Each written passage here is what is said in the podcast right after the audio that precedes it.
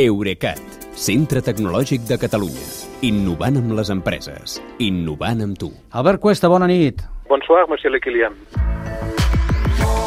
Sí, perquè per segon dia consecutiu estem amb això del bonsoir. Per cert, estàvem aquí pel 5G, però noto bastant telefònic, eh? Doncs eh, és que és completament telefònic perquè la, una cosa és la, el futur de la tecnologia i l'altra és la cobertura que tens en cada moment i ja et puc dir jo que l'aeroport d'Orly eh, és bastant deficient. Ja, ja ho veig. Bé, en qualsevol cas, segona jornada del Congrés Europeu de Huawei, aquí a París. Avui ens ho has anat explicant gairebé en directe, al teu Twitter, arroba Albert Cuesta, tot junt, on al matí ens deies que seria el dia, precisament, de la 5 de la 5.5G. Sí, la 5G i mitja. Després ha resultat ser el dia de les connexions d'alta velocitat en general, menys aquí on estic jo, Sí. però és que, per una banda, parlar de 5,5G és una manera de dir que abans de, de pensar en la 6G, la tecnologia de les xarxes 5G que comencem a tenir en, algú, en, en alguns llocs eh, es podrà exprimir més. Eh, posant servidors més potents, ocupant més freqüències de transmissió i optimitzant el rendiment de les xarxes amb intel·ligència artificial, eh, es promet que es multiplicarà per 10 encara la velocitat de les connexions, que es dividirà per 10 la latència, que és allò el temps que triguen en respondre, Mm. i sobretot que es multiplicarà per 100 l'eficiència energètica, o sigui que consumiran menys transportant la més dades.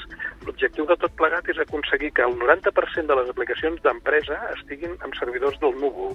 I perquè no s'ho quedin tot Amazon, Google i Microsoft, Huawei està ampliant la seva xarxa de centres de dades i avui han anunciat que n'obriran una a Irlanda per atendre els clients europeus.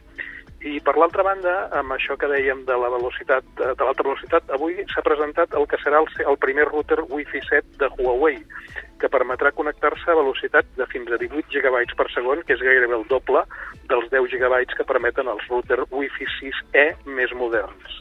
També és veritat que encara no hi ha cap ordi- ordinador ni cap telèfon que sigui compatible amb el nou Wi-Fi 7, Ja. ni que sigui perquè encara no s'ha definit com serà, però Huawei eh, en qualsevol cas hi té un gran interès perquè és l'empresa que ha fet més aportacions al que serà el futur estàndard.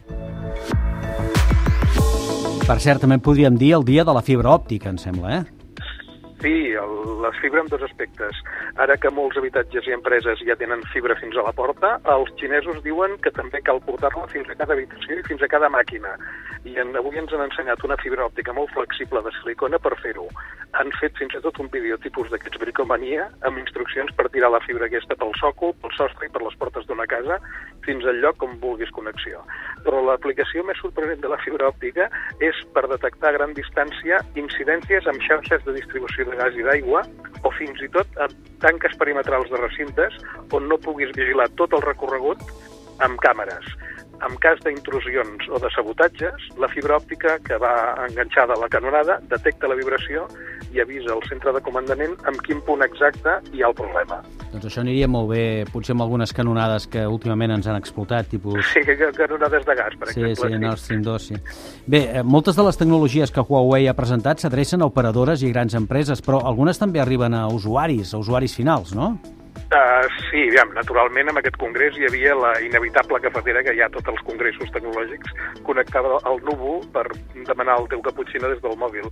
Però el que ha cridat més l'atenció, si més no els meus seguidors de Twitter, és una pissarra híbrida per, un, per una escola que forma part de la plataforma d'aules connectades de Huawei. Aquesta pissarra és com les de tota la vida, però al costat porta una rèplica digital, una pantalla, on va apareixent tot el que el, el mestre escriu o dibuixa amb el guix i si ha escrit molt, al final de la classe hi surt un codi QR perquè els alumnes puguin descarregar-ho tot en comptes d'haver-ho de copiar. Home, això, al final, eh, no està malament, eh? Així, fins i tot els mestres i professors més nostàlgics poden estar eh, a la nostàlgia i a l'última, alhora. I al, al, al mateix temps, sí, el que dic és que la pissarra tradicional s'ha d'esborrar amb un esborrador convencional, eh? Bé, això no canvia. Bé, de... I, i, i, la, I la pols de guix queda igual. també hi serà i les mans brutes emblanquinades. Però bé, forma part de la nostàlgia, això. Eh, fins demà, que vagi bé, bona nit. Bona nit, fins demà. Eurecat, centre tecnològic de Catalunya. Innovant amb les empreses. Innovant amb tu.